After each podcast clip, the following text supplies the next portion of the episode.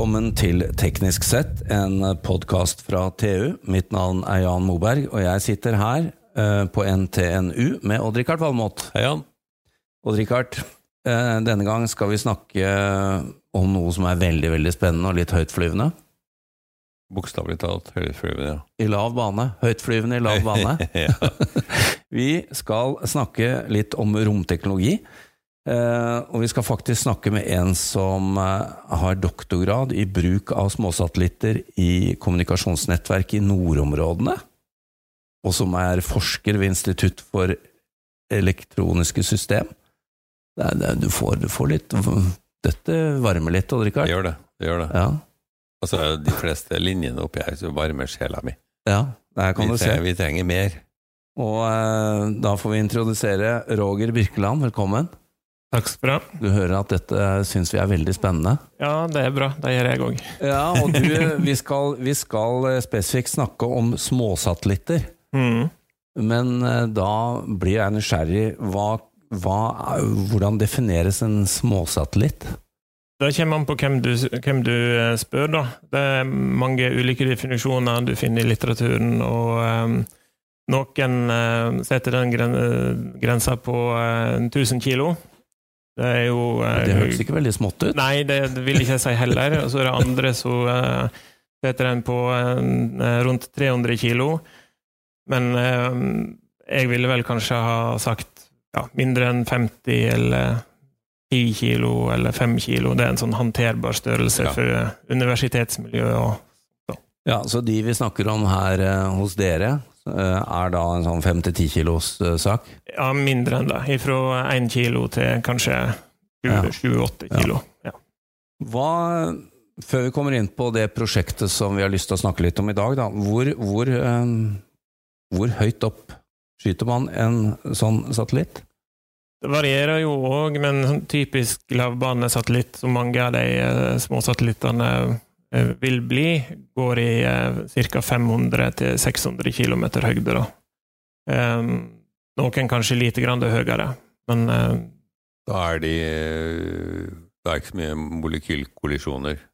Nei, da er det ikke så mye i, i, igjen, men det er klart eh, hvis du er mindre enn eh, 600 km opp, så blir du bremsa lite grann. Det Det er noen få atom i, eh, igjen, eh, og, og da blir du kanskje bremsa nok til å ramle ned igjen i løpet av 20-25 år. da.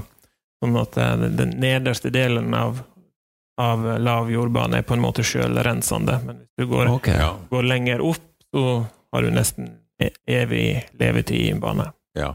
Ja, så det segmentet vi snakker om her, det renser seg selv etter noen tiår? Ja, det, det gjør det, og det er jo òg et veldig viktig poeng å få litt mer kontroll på, på bruk og utnytting av den ressursen som jordbane er, da. At vi får rydda opp, og, og um, at vi ikke skaper mye romskrot som kan være grunnlag for kollisjoner som skaper, skaper enda mer eh, skrot. Så i, der vi opererer, så er det sånn ganske, ganske greit, men det kan være større utfordringer ja, lenger opp. da. ja, for det er jo veldig mye skrot allerede. Det er jo det, og fram til nå så har jo egentlig ingen brydd seg så veldig hardt med å rydde opp heller, for dette har alltid gått bra.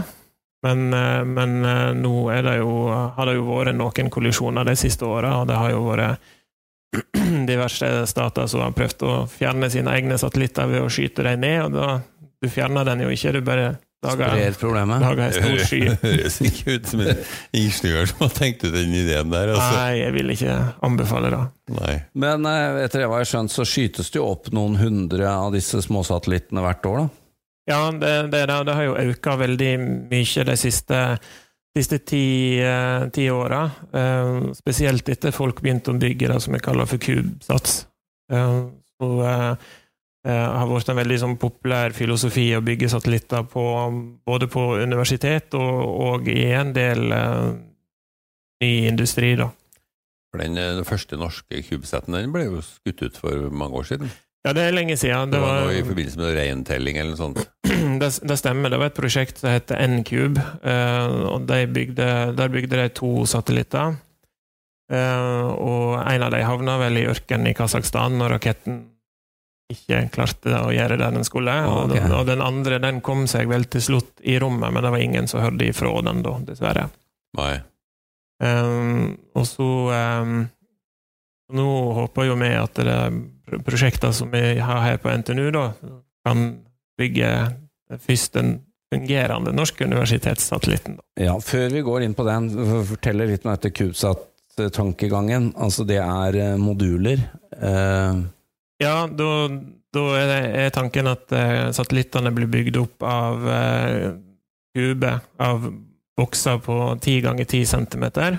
Eh, og da kan de kombineres i ulike størrelser. Eksempel du setter to oppå hverandre, da får du en 2 unit kubesats som blir 10 ganger 20 centimeter. Eh, og typiske størrelser er, fra 1 til 2 og 3 og 6 til 12 unit. Så um, de satellittene som vi bygger her på NTNU, der har vi én unit og to og seks. Av alt du holder på med nede i den kjelleren din og i boden på hytta, Richard, så har du fortsatt ikke prøvd å bygge en satellitt. Nei, det har jeg ikke gjort. Men når, når kan vi forvente det? Det er dårlig, dårlig med utskytningsmuligheter. Nei, jeg tror, det tror jeg skal overlate til ungdommen. Og det, det morsomme du fortalte her, at det er jo en, en eh, studentorganisasjon her som driver og bygger satellitter. Det, det er jo litt sånn håp at de har det her som hobby i tillegg til studiet. Ja, de har jo definitivt det. Så um, det er en organisasjon på NTNU som heter Orbit NTNU. Uh, de er vel en 30-40 medlemmer. De har to satellitter som de eh, bygger nå. Den uh, ene satellitten deres skal Da kan du laste opp et bilde av deg sjøl, og så har den et kamera som henger på utsida, så kan du få selfie med deg sjøl og jorda i bakgrunnen. Det er i alle fall konseptet. det var jo en rolig idé, da. Men i disse Photoshop-tider så er det litt Går langt Du skritter langt over bekken. Du kunne løst det enklere for dem, Odd vært. Ja, Men det er jo et poeng å være medlem av en satellittorganisasjon, da. Ja da. Det er jo spennende. Men eh, Roger, vi må komme inn på um, det prosjektet som du jobber med her nå, som er basert på disse tingene vi har snakket om. Eh, Dere har jo et konkret prosjekt. Ja, vi skal bygge, eller vi holder på å bygge en uh, unit-satellitt. Uh, og den skal ha et hyperspektralt kamera om bord. Uh, det kameraet har vi òg bygd eh, her på NTNU. Satellittbussen kjøper vi, altså resten av satellitten, kjøper med av et selskap eh, i uh, Litauen som heter Nano Avionics. Uh, Nyttelasta vår er der borte hos deg nå. Den har pakka i en uh, dobbel kasse og masse polstring i starten av mai. og Den er der borte hos Nanavionics og skal integreres i satellitten i løpet av sommeren. Uh, og være klar til oppskyting da i uh, desember. Alt går Ja. som det skal. Og når, når du snakker om seks moduler, det er også en eh, satellitt som er eh, 20 ganger 30 ganger 10 cm, Det stemmer. kledd med solceller. Kledd med solceller. Ja. Og den skal se etter algeoppblomstring, var det ikke sånn? Jo, da er det mm, Poenget med, med et hyperspektralt kamera er at du kan um, kan se på flere deler av uh, det reflekterte lyset fra jorda, da. Ikke Mm. bare Det optiske. Ja, det er i det optiske spekteret, men du ser, du ser mer enn eh, de tre vanlige fargene, da. Så vi, kan, Ja. vi kan dele spekteret opp i opp til kanskje 100 ulike kanaler, og da kan du ved å studere det spekteret du får, så kan du se og si noe om hva du ser, om du ser sjøen, eller om du ser, eh, ser um, um, algeoppblomstring, for eksempel. Ja, vi kan jo se opp til 700 nanometer ungefær. Hvor langt ser det kameraet deres, da? Ja, Det kameraet der ser i hovedsak fra 4 til 700 nanometer. Oh, ja, så, det, så, så det er i det synlige spekteret, Ja. men vi bare deler det opp i, i Ja. mange, mange deler. Og da går jeg ut fra at det å oppdage algeoppblomstring langs norskekysten vil være nyttig for fiskeoppdrett, f.eks.? Ja, det er jo en av de mulige eh, Det kan jo òg brukes til å si noe sånn generelt om vasskvalitet og Mm. Hvis sjø, sjø og hav blir varmere, så blir det gjerne iallfall en teori at det kan bli mer blomstring av ulike alger. Og Ja. Så håper vi at vi kan si noe om eh, om det, da, med satellitten vår. Ja, og I disse klimaendringstider så er vel det et veldig, veldig aktuelt tema, dette med algeoppblomstring. Og denne heter da Hypso, eh, Ja. eller satellitten prosjektet Hypso. Ja. Ja, og, Men eh, da må du fortelle oss. Den skal da skytes opp i uh, hvor mange kilometer over bakken? Ja, det blir ca. 550 km eh, Ja. banehøgde. Vi er jo en eh, hva skal jeg si, sekundær eller tertiær kunde hos, eh, hos SpaceX. Vi får jo ikke lov å bestemme så mye om den banen sjøl, vi må jo velge, eh, velge det som vi tror passer best. Så det er jo, det er jo eh, en eller annen eh, Det er noen andre som bestemmer nøyaktig, da. Ja, men den skal da gå i såkalt polar bane? Ja. Hva betyr det for eh, Hvordan kan du beskrive det? Det betyr at satellitten vil eh, krysse over begge polene, da. Og en sånn lavbanesatellitt eh, bruker Eller kan gjøre 14, inntil 14 omløp i løpet av en dag. Eh, så da og Så vil jorda Kan en forestille seg at jorda roterer inne i baneplanet til satellitten, sånn at den, eh, den da vil passere en eh, fem-seks ganger over Trondheim, for eksempel. Ja, så da er det noen ganger i løpet av Ikke alle 14, men noen av de dere kan få gode eh, spek høyspektralbilder. Ja. Hyperspektralbilder. Hyperspektrale bilder, ja. Ja. Den vil jo da på den Satellitter i polarbane vil jo på et eller annet tidspunkt kunne dekke ethvert punkt på jorda. Ja. Eh, Men i første omgang så er det jo da eh, norskekysten eller trøndelagskysten Ja. vi sikter på. Det at de skal skyte ut med SpaceX, betyr det at eh, de har tatt mye av det her kommersielle markedet, eller? Akkurat nå har SpaceX en enorm del av det, ja. Men det finnes jo andre aktører, sånn som eh, Rocket Labs på New Zealand, og så har jo eh, ESA har en del av markedet med Vega-raketten, og India har jo òg en eh, marked, men det er jo Vår hjemlige kamp for Andøya. ja, og Andøya er jo òg klar til å bli med på, på det, for det er jo veldig mange nye eh, raketter som blir utvikla nå, som skal, skal kunne skyte opp små satellitter, og, og Andøya vil jo eh, da lage Europas eh, første base som kan skyte satellitter eh, opp i bane. Det er veldig interessant, og vi har eh, laget en sending vi om Andøya, og vi håper at det kommer opp. Eh, du var inne på SpaceX, eh, Roger. Vi må stille deg spørsmålet om eh, Starlink. Elon Musks eh, verdensherredømme over kommunikasjon. Ja, Tusenvis av satellitter i lavvannet. det kan bli veldig spennende. Han er jo ikke alene, da. Det er jo uh, OneWeb uh, vil jo prøve på det samme, og, og Jeff Bezos er jo ikke langt bak han heller. Men jeg tenker det kan bli en interessant revolusjon da, hvis alle kan få høyhastighetsnettverk til en ikke altfor uh, urimelig penge, hvor hen Uansett som helst. bor, ja. Ja, uansett hvor hen du bor. Så det kan jo eh, revolusjonere en del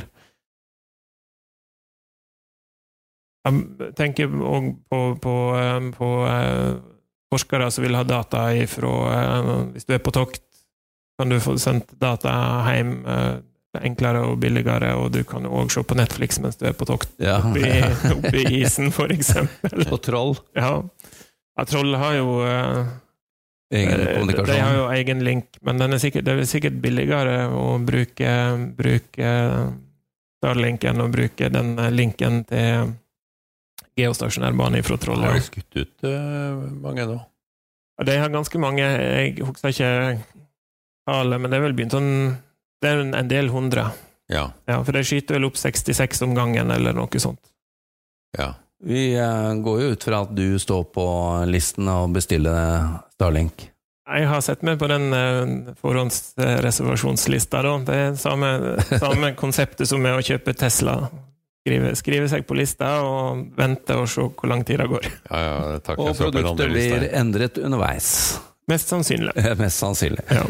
Roger Birkeland, eh, avslutningsvis. Hva, hva annet jobber dere med på, eh, innenfor eh, disse, dette småsatellittsegmentet her på NTNU? Nei, Der er jo nå hoveddelen av arbeidet vårt går jo på, på det med jordobservasjon og um, vi jobber mye med ombordprosessering. Eh, det er å få satellittene til å være smarte og kunne ta, ta ut informasjon av data eh, så de ser. Ja. For et av store problemene er jo eh, at et sånt hyperspektralt bilde blir veldig, veldig stort. Og Da er det smart å prosessere det i satellitten, sånn at du bruker kortere tid på å laste det ned. Um, og så jobber vi jo da i lag med, med studentene i Orbit på å håpe at vi kan ha med, ha med en satellitt på første oppskytinga ifra, ifra Andøya, når, det skjer. Det hadde vært stas, Odd-Rikard? Ja, det må jeg virkelig si, altså, at det liksom skal få en sånn revival av Andøya. Det håper vi på.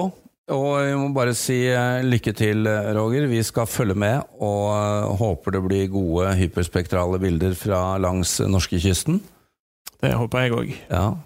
Takk for at du stilte opp hos oss. Takk til Odd-Rikard Valmot, og mitt navn er Jan Moberg.